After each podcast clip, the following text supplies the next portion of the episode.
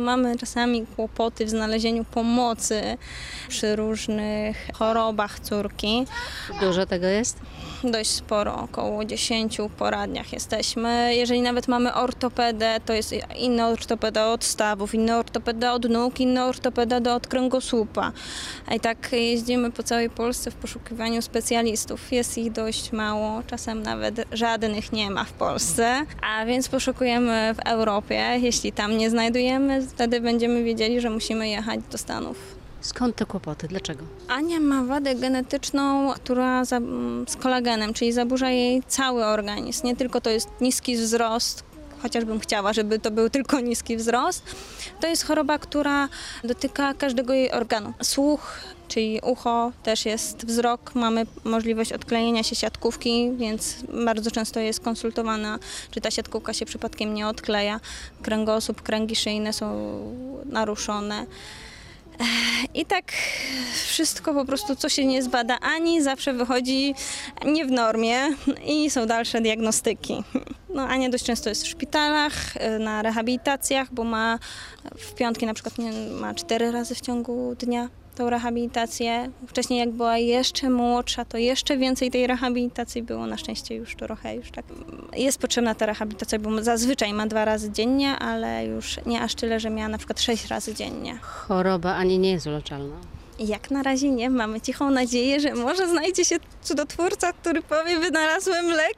Ale na razie wiemy o tym, że nie i nie będzie, ponieważ to jest ultra rzadka choroba i za mało osób jest na tą chorobę, żeby tworzyć nawet lek jakikolwiek na nią. Dysplazja nasadowo-kręgosłupowa jest rzadką, ultrarzadką chorobą uwarunkowaną genetycznie i często nawet y, nie jest określona, jest tak, tak rzadko występuje. Jest to zaburzenie głównie układu kostnego. Jeżeli chodzi o aspekt diagnostyczny, widzimy pacjentów y, z licznymi wadami kostnymi, kości długich, klatki piersiowej, stawów dużych, ale i także podniebienia. Natomiast pacjenci cierpią na wiele innych dolegliwości typu niedosłuch, typu zaburzenia okulistyczne, czy problemy przy takich standardowych zabiegach jak zabieg operacyjny, kiedy wymaga to dużej czujności anestezjologów, jeżeli chodzi o intubację i stosowanie tych procedur anestezjologicznych. Jest to choroba, która nie ma leczenia przyczynowego. Co jest najgorsze, wraz z wiekiem postępuje, głównie jeżeli chodzi o wady układu kostnego, o zaburzenia układu kostnego dlatego że mniejsze problemy są u małych dzieci, a one narastają z czasem. Jeżeli chodzi o mm, zmiany w stawach, jeżeli chodzi o skoliozę, jeżeli chodzi o wady klatki piersiowej, klatki piersiowej, która ma bardzo nieprawidłową budowę, a wiemy, że są tam narządy niezbędne do życia, które w ten sposób są uciskane. Chorzy mają nieproporcjonalnie niski wzrost. Niektórzy chorzy osiągają nawet jedynie 85 cm wzrostu maksymalnie 100, 140 cm. Przyczyną tej choroby jest mutacja w jednym konkretnym genie, który koduje kolagen. Kolagen, który buduje właśnie kości, tkanki miękkie, również elementy w gałce ocznej czy w całym aparacie słuchowym. Są różne badania eksperymentalne, które szukają takiego sposobu leczenia, który by wstrzymał postęp tej choroby. Natomiast leczenie jest tylko i wyłącznie objawowe. Jak pani sobie radzi? Lepiej niż na początku. Na początku człowiek się obwinia, dlaczego to jemu się stało, dlaczego to na niego trafiło. Było wiadomo, że w okresie ciąży, że może być coś nie tak? Tak, było wiadomo, od 20 tygodnia dokładnie na dzień mamy dowiedziałam się, że Ania jest chora. Że są skrócone kończyny, że została wtedy nazwana bombą czasową, bo nie wiedzieliśmy, czy dożyje tego porodu w brzuchu, czy e, urodzi się, w jakim stanie się urodzi. Urodziła się w krytycznym stanie, nie oddychała samodzielnie, nie jadła samodzielnie. Cztery miesiące spędziła od urodzenia w szpitalu. Miała do tego operacje, respiratory, więc wszystko, wszystko było łącznie z reanimacją parę razy. Więc e, to wszystko przeżyła Ania. Na szczęście wyszła z tego. Wywalczyła sobie dość dużo, bo zaczęła jeść w wieku dwóch lat. Zaczęła chodzić jak miała dwa lata, gdzie na początku, jak wychodziliśmy z Anią ze szpitala, dostaliśmy informację, że nasze dziecko będzie roślinką. Ania nie pokazuje się jako roślinka, jest żywą, uśmiechniętą i inteligentną dziewczynką, która chce zostać baletnicą, ma marzenie i ona powiedziała, że zostanie tą baletnicą. Jest też scenowym dzieckiem, uwielbia sceny, uwielbia jak ludzie się na nią patrzą, więc e, mamy nadzieję, że zostanie tą baletnicą. Ja sprawdzę, czy to tylko życzenie mamy, czy może Ani jednak chciałabyś być baletnicą, bo tak mama mówiła. Tak, tak, chciałam kończyć. Ania sobie podśpiewuje, bawi się tutaj sama tym plasterkiem. Rzeczywiście wygląda na bardzo pogodną dziewczynkę. Czego teraz potrzebujecie? Bo e, pani, rozumiem, nie pracuje, nie ma, nie ma jak, bo jeszcze drugie dziecko. Ja nie pracuję, mąż ma swoją działalność. Zresztą musiał, zostaliśmy zmuszeni do sytuacji, żeby mąż założył swoją działalność, bo pracodawca po prostu go wyrzucał za te częste choroby z Anią, a musiał mąż zostawać z drugim dzieckiem. Teraz Ani są potrzebne aparaty słuchowe, żeby Ania zaczęła normalnie mówić, słyszeć normalnie. Ona dość dużo rozumie przez to, że czyta z ruchu warg, czego się nauczyła zresztą. Bardzo wiadomo, jest inteligentną dziewczynką. Ania będzie wchodziła w etap szkolny, taki przedszkolny, że musi się nauczyć literek, cyferek. Nie zrobi tego, jeżeli nie będzie dokładnie słyszała, o co się ją prosi, jak się nazywają te literki. Tego się nie da zrobić bez aparatów słuchowych, bo Ania przekręca wszystko albo jej piosenki są bardzo dość wysokim tonie, więc czasami nasz uszy bolą, bo Ania no, śpiewa piszczącą.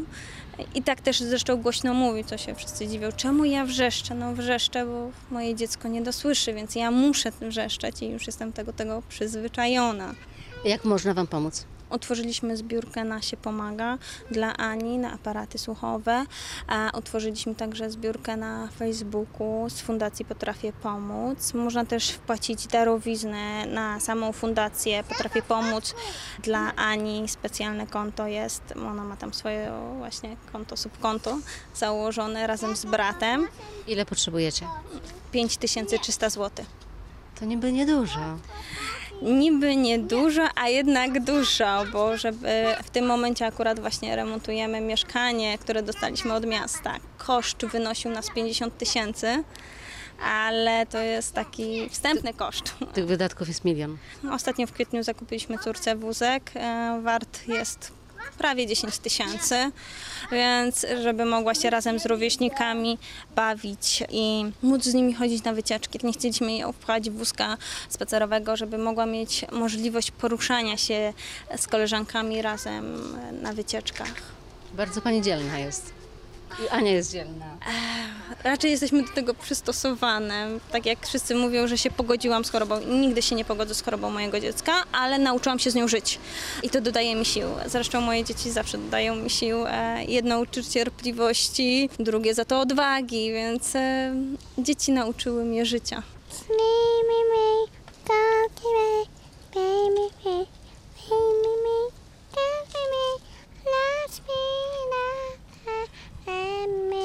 Maleńkie tłumaczenie potrzebuję. Szczerze sama nie rozumiem. Wiem, że coś jest kocham i że jest rodzina, ale to dla Ani chyba najważniejsze. Jak delikatnie śpiewa, nie krzyczy wcale. E, Póki co.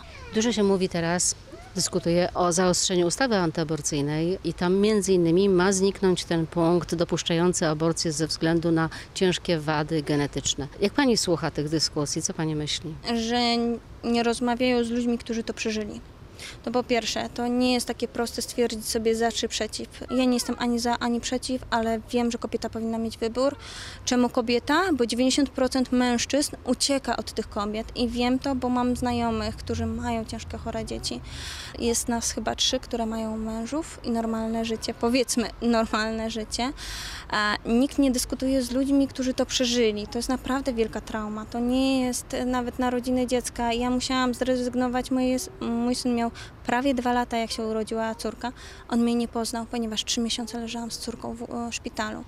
To są przeżycia, które zostawiają piętno. Też wiem, że moja córka daje mi ogromne szczęście, ale to był mój wybór i moja decyzja. Nikogo innego. Nie chciałaby pani, żeby to było ustawowo ustanowione, że musi pani. Nie, nie chciałabym, ponieważ wiem, e, że Ania na przykład też może zostać mamą, ale w jej przypadku to jest zagrożenie życia, a też dziecko będzie miało wadę genetyczną, bo też jest 50% na szans i nie chcę, żeby ktokolwiek ją zmusił do tego. Można prosić, można dawać szansę, zwłaszcza, że mamy dość duże koszty związane z chorobą dziecka. To nie jest tak, że to się urodzi dziecko i nic. Trzeba samemu zapewnić może sprzęt, który pomaga w życiu. My, jak Ania wychodziła, dostaliśmy pompę żywnościową, dostaliśmy ją, bo był jeszcze program. Teraz już tego programu nie ma. Około 20 tysięcy by musiała wydać na to, żeby przygotować się na wyjście własnego dziecka ze szpitala. Inaczej by nie wyszła, inaczej by musiała żyć w szpitalu. Nie jestem za tym, żeby zaostrzyć ten przepis, bo naprawdę porozmawiać z osobami, które naprawdę to przeżyły, żadna kobieta nie powie, że jest za ani przeciw, tylko że daje wybór.